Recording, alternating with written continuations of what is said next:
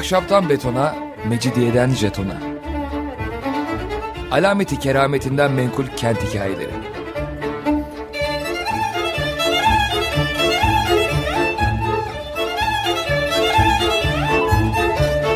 Hazırlayan ve sunan Pınar Erkan.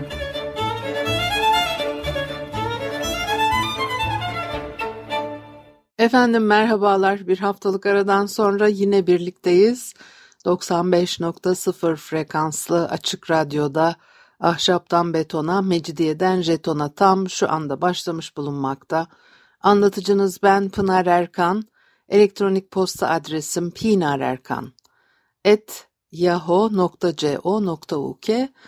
Bugün ne konuşacağız? Püsküllü bela. Biraz fes konuşalım bugün e, diye düşündüm. Tabii 19. yüzyılda kullanılan bir başlık fes. E, ikinci Mahmut kıyafet e, yeniliği yapıyor ve püsküllü bir kırmızı başlığı da bütün Osmanlı uyruklarının giymesi için kanun getiriyor. Aslında fes Faslıların geleneksel başlığıymış. Kaptanı Derya Hüsrev Paşa kalyonculara giydiriyor. Ve 2. Mahmut'un önünde talim yaptırıyor askerlere başlarında feslerle. İkinci Mahmut da donanma askerlerinde görünce bu başlığı beğeniyor, Fas'tan getirtiyor. Ee, 1828'de sarık, e, kavuk, külah gibi e, başlıkların e, yerini alması için Fes nizamnamesi çıkartılıyor. Ondan sonra da Osmanlılığın simgesi haline geliyor Fes. Çünkü hangi dine mensup olduğunuzun önemi olmadan herkes fes takacak. Çünkü o dönemlerde var ya öyle milletinize göre hangi millete mensupsanız o millete göre kılık kıyafet giyebiliyorsunuz ve millet dediğimiz şey de o dönemlerde etnik kökenden ziyade dine referans veren e, bir şey. E, yani hangi dine işte Rum Ortodoks milletine mi mensupsunuz, Ermeni milletine mi mensupsunuz, Yahudi milletine mi veya işte e, Türk milletine mi mensupsunuz ne orada giydiğiniz kıyafetler e, renklerine kadar e, sınırlandırılmış. Herkes istediğine e, göre istediği rengi kıyafetlerinde de e, giyemiyor. Başlıklar da biraz ona göre. Ve her padişahın kendine has fesi de oluyor. E, Mahmudiye, Mecidiye, Aziziye, Hamidiye denen fes modaları yaşanmış. Çünkü bir kere asker giymeye başladı. Yani zaten o yani nizamnameyi çıkarmış ama zaten halkın arasında da yayılıyor. İkinci Mahmut ve oğlu Abdülmecit e, böyle mor saçaklı, geniş bir e, fes yani mor saçak püsküllü, geniş e, biçimlendirilmiş fes tercih ediyor. Abdülaziz tepesi dar, basık. Belki bunların fotoğraflarını da koyarız Twitter'a. İkinci Abdülhamit'inki böyle kalıplı, siyah püsküllü fes. O işte ona göre moda oluyor. Başlığı değiştiren Sultan II. Mahmut bir takım reformlar yapıyor o dönemde ve devletin varlığını sürdürebilmesi için geleneksel Osmanlı yaşam tarzının da değişmesi gerektiği kanaatine varıyor. Giyim, kullanılan dil, düşünceler hatta yaşayış tarzında değişmeler olacak. O kendi zaten batılı tarzda giysiler e, tercih etmeye başlamıştı. Buna bir de fes ekleniyor. Ve bu değişim tüm toplumda uygulanınca dinsel, e, sınıfsal farklıların e, farklılıkların silinerek kıyafetten bir ayrıcalık elde edilmesi veya kıyafetin bir ayrıcalık göstergesi olması önüne geçilmeye çalışılan bir şey ve kendi de örnek olmak istiyor. O reformların kalıcılığını sağlamak için ve yeni Osmanlı imajını e, benimsetmek için lacivert ceketi, püsküllü fesi var, şeritli beyaz pantolonu var. Kendi boy resimlerini, portrelerini yaptırıyor ve bunları devlet dairelerine astırıyor. Bunlar hep yeni şeyler o dönemde. Kendisinden önceki Sultan Selim de e, batıya yüzünü dönmüş bir padişahtı fakat e, ikisinin yaptırdığı tabloları vardır ve aradaki farklar gerçekten o dönemler arasındaki farkı çok e, net bir şekilde ortaya koyar. O fesin kullanımıyla ilgili Hikmet Feridun Es'in söyledikleri var. Ben onları da size aktarmak istiyorum ama E, bu ilk zamanda fesi işte kullanmaya başlıyorlar ve tabii bu bizim dinimizle bir alakası yoktur diye tepki e, gösteriyorlar. Ondan sonra da ilk tepkiler sönüyor. E, fes kıyafet kanunu yürürlüğe girdikten sonra 1925 senesinde yasaklanana kadar da o neredeyse bir asır kadın erkek herkes ve e, her kesim tarafından giyilmeye başlanmış e, Osmanlılığın simgesi haline gelmiş gerçekten. Bu ne kadar neye işe yaradı yani onların düşündüğü gibi bir Osmanlı e, e, Osmanlı olan herkesi bir arada tutmayı başaramadılar ama evet e, bir simge haline geldi. Ondan sonra da ilk başta fes getirildiği zaman dinimizde hiç alakası yoktur, bizimle bir alakası yoktur diye tepki gösterenler e, veya bu tepki gösteren zihniyet diyelim daha ziyade 1925 senesinde de bu sefer e, işte e, fes çıkıp başlık değiştiğinde şapka geldiğinde filan da bu sefer işte onun bizim dinimizle geleneğimizle alakası yoktur bizim dinimizin simgesi festir filan diye oradan böyle bir olaylar çıktı.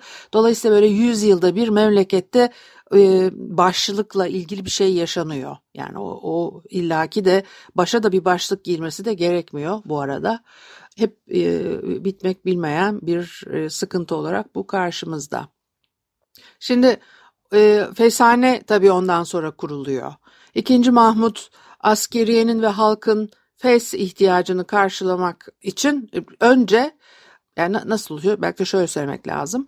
E, o Yeniçeri Ocağı kaldırılıyor. Ondan sonra Asakir Mansure-i Muhammediye e, ordusu e, kuruluyor. Onların kıyafetleri e, belirlenirken feste başlık olarak kabul ediliyor. E, halkın arasında da bir şekilde yaygınlaşıyor. Bir fese artan bir talep söz konusu. Onları önce Tunus ve Mısır'dan e, getirtiyorlar, ithal ediyorlar. Ondan sonra Avrupa'dan yine ithal ediyorlar. O ihtiyacı karşılamaya çalışıyorlar.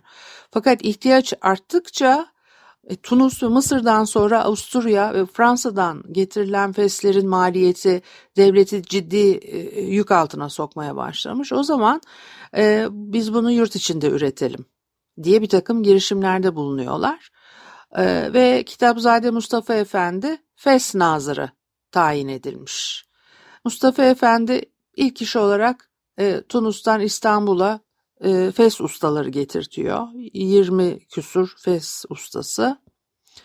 E, ve onların e, yanında çalışmak üzere de e, kalfa getirtmiş yine Bursa'dan. 1,5 milyon kuruşla 1833'te Kadırga'daki Cündi Meydanı'nda bulunan Hazine-i Hassa'ya ait bir binada fes üretimine başlıyorlar. Ayrıca feslerin yıkanma işlemlerinin gerçekleştirilmesi amacıyla İzmit'te de bir e, dinkhane kurulmuş. Sonra Kadırga'daki atölye yetersiz gelmeye başlayınca Eyüp'te Defterdar semtinde fes fabrikası inşa ediyorlar daha doğrusu şöyle Beyhan Sultan Sarayı var. Onu bir takım müdahalelerle fesaneye dönüştürüyorlar. Ondan sonra da e, 1833 senesinde Kadırga'daki o tesisler buraya taşınıyor. Yine birkaç sene sonra yetersiz kalıyor burası. Bu sefer bazı yapıları istimlak etmişler ve fesaneyi genişletmişler. Fes'le ilgili e, e, enteresan detaylar var ama bölmeyeyim yine bir müzik arası verelim ondan sonra devam edelim. Efendim Açık Radyo'da ahşaptan betona, mecidiyeden jetona devam ediyor. Haliyle Pınar Erkan'ı dinlemektesiniz. E, Fes günü yaptıydık bugün. Fes konuşuyoruz. E, Hikmet Feridun Es e, Fes uzmanı ilan edilmiş bir kere e, filmlerde kullanılan fesleri hiç e, beğenmezmiş. Diyor ki filmlerde giyilen feslerin 1980 senesinde yazdığı bir yazı. Bugünkü filmlerde giyilen feslerin kendileri de ibret, kudret. Mesela e, geçen Ramazan programlarında çok meşhur bir e, komedi sanatçımızın başında evde dikilmiş bir fes vardı diyor. E, bir yakın plan çekimlerinde yan dikişleri açıkça görünüyormuş. Yani adeta evde dikilmiş kırmızı bir takke ve ekranda sinemada bir takım uydurma komik fesler giyiyorlar. Eski zamanlarda Fesin renginden, şeklinden, giyenin mesleği, siyasi terfisi, fırkası o zamanki deyimle hemen anlaşılırmış. Göya bu fesi herkes e, birbirine eşit olsun, bir e, e, statü farklılığı ortaya çıkmasın diye kullanmaya başlıyorlar ama tabii ki öyle olmuyor. Her zaman e, çünkü o zihniyeti de, değiştirmediğiniz sürece, o e, zihniyet e, eğitilmediği sürece işte gene bir yolunu bulup aradaki e, farkı ortaya koyan bir toplum yapısı ortaya çıkıyor. Püsküllü bela diyorlar çünkü püsküllüyle ilgili e, ciddi sıkıntılar e, çekiliyor. Feslerin nasıl e, giyileceğiyle ilgili eski zamanlardan birinde bir Ramazan günü e, Hikmet Feridun Es küçük daha çocuk e, iftara hatırlı bir misafir gelecek. E, evin büyüğü erkek çocukları yan yana dizilmişler. Ondan sonra da işte o evin büyüğü demiş ki limon kabuğuna dönmüş başınızdaki fesler. E, her yağmurdan sonra böyle olurdu diyor. Fesler limon kabuğuna dönüyor. Ondan sonra da evin büyüğü diyor ki alın şu parayı hemen gidip fesleri kalıplattırın. İftara misafir var. Şimdi Sultanahmet Parkı'nın tam karşısında e, cızbız köfteci dükkanlarından önce sıra sıra fes kalıpçıları varmış. Fatih semtinde en ünlü fes kalıpçıları Hafızpaşa Caddesi'ndeymiş. Bunlar bazen mesela bayram arifesi geceleri e, çok kalabalık olurlarmış. İçeriye girmek imkansız olurmuş çünkü bayram ya işte e, fesleri kalıplatacaklar. En usta fes kalıpçıları da oralarda çalışırmış. Ta Şişlilerden, Maçkalardan feslerini kalıplatmaya gelenler olurmuş. E, o kalıpçı dükkanına giriyorsunuz. Fes kalıpçısı başınızdan hızla fesinizi kapıyor ve ilk iş olarak da püskünüzü çekip koparıyor. Sonra fesi tekrar başınıza geçiriyor. Bazen de diyor ki e, küçük geliyor bir numara daha büyük bir kalıba çekeceğiz. Önce fesin üzerine bir şişeden su püskürtüyor. Ondan sonra da e, aynı fesin e, biçiminde sarı madeni kalıplardan birine geçiriyor. E, bir numara büyük bir e, kalıba geçiriyor. Altında bu ocak yanıyor o fes kalıbının.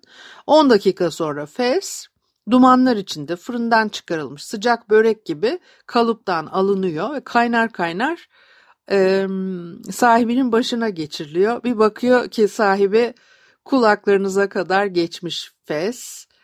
E, bir numara büyük olunca öyle e, oluyor tabii ki. O feslerin iç astarları da olurmuş. E, içi hasırlıysa kalıplatmak daha uzun sürüyor ve daha pahalıya mal oluyor. Bazen bütün hasır astar sökülürmüş. O fes kalıplandıktan sonra hasır astar yeniden dikiliyor. Hasırdan başka fesin içinde bir de ipekli astar olurmuş. İsterseniz püskünüzü de e, e, değiştiriyorlar. E, on püsküllerin bile numaraları varmış. Bir de yuvarlak püskül diyor. Demek ki yuvarlak olmayan püsküller de var.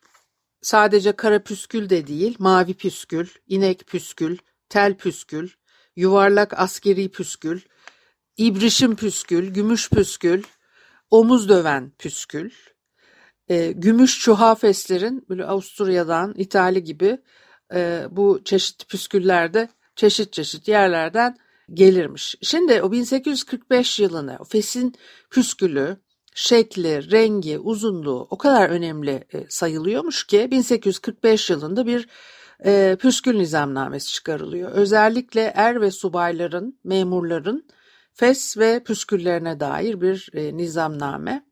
E, o püsküllerin kaç dirhem çekecekleri bile belirlenmiş.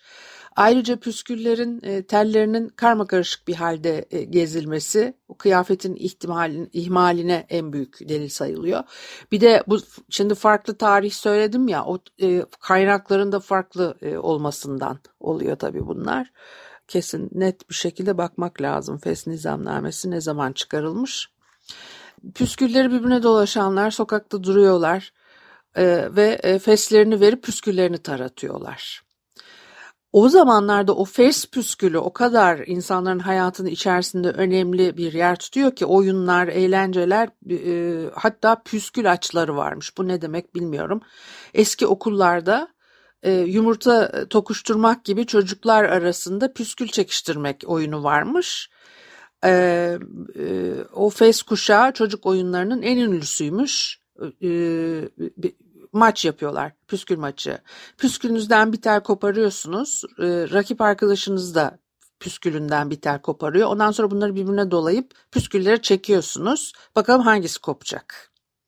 Ve sabahtan başlayıp akşama kadar süren yarışmalardan sonra çok defa da eve çocuklar püskülsüz dönerlermiş. Tabii ondan sonra da bu ciddi bir probleme e, neden oluyor evde. Diyor ki Es bugün futbol delisi çocuklara ayakkabı yetiştirilmediği gibi o zamanki çocuklara da püskül dayandırılmazdı. Bazen de ucuza taktırılan bir püskül durup dururken birdenbire kendi kendine dağılıverirmiş. Artık evdekilere anlatabilirsen anlat diyor. O zamanlar püskülsüz gezmek kravatsız gezmekten çok daha ayıp sayılırmış.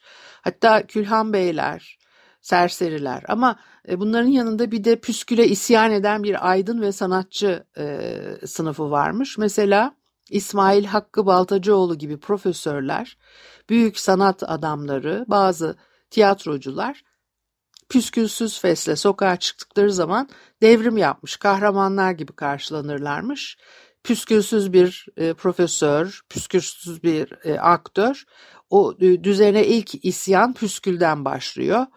Ee, ve e, e, bu zevat feslerini de asla kalıplatmazmış.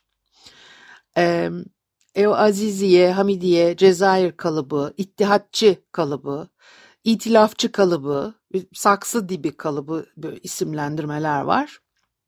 Fakat ne kadar sıcak kalıba vurulursa vurulsun o fes ilk yağmurda limon kabuğuna dönüyor. Ondan sonra eskiler onun da çaresini bulmuşlar. Ferahi denilen madeni bir yuvarlak koyuyorlar e, fesin tablasında kalıplı durması için. Ferahi hem kalıbı e, koruyor hem de püskülün rüzgar ve yağmurdan dağılmasına mani oluyor. E çocuklara da bahşiş veriyorlar. E, mesela en meşhur bahşiş al şunu da git fesini kalıplat. Kunduralarını boyat.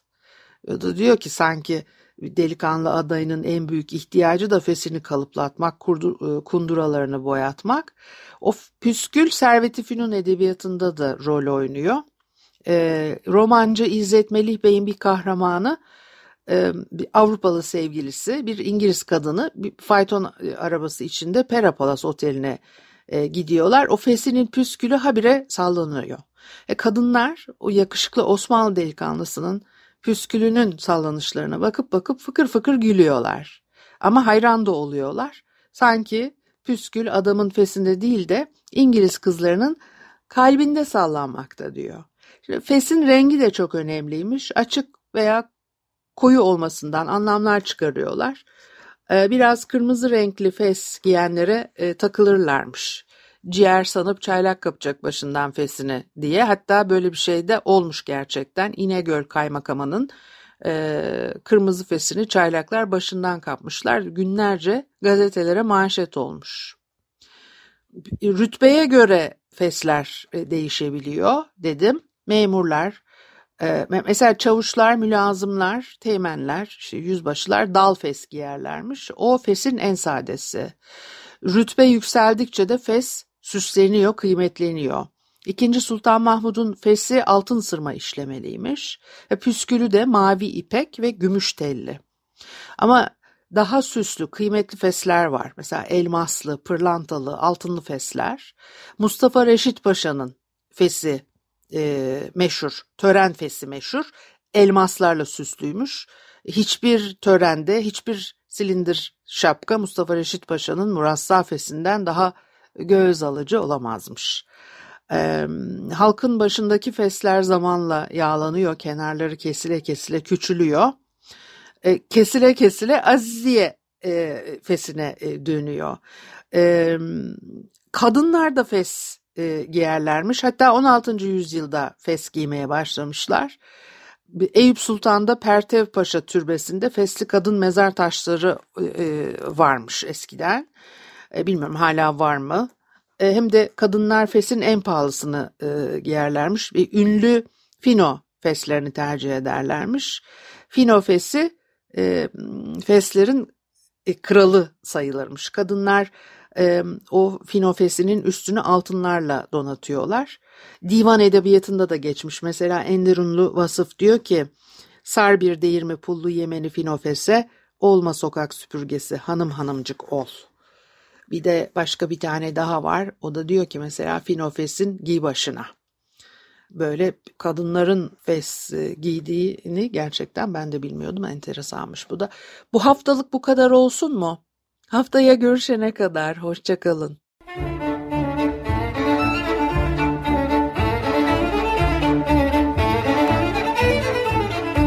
Ahşaptan betona, mecidiyeden jetona. Alameti kerametinden menkul kent hikayeleri.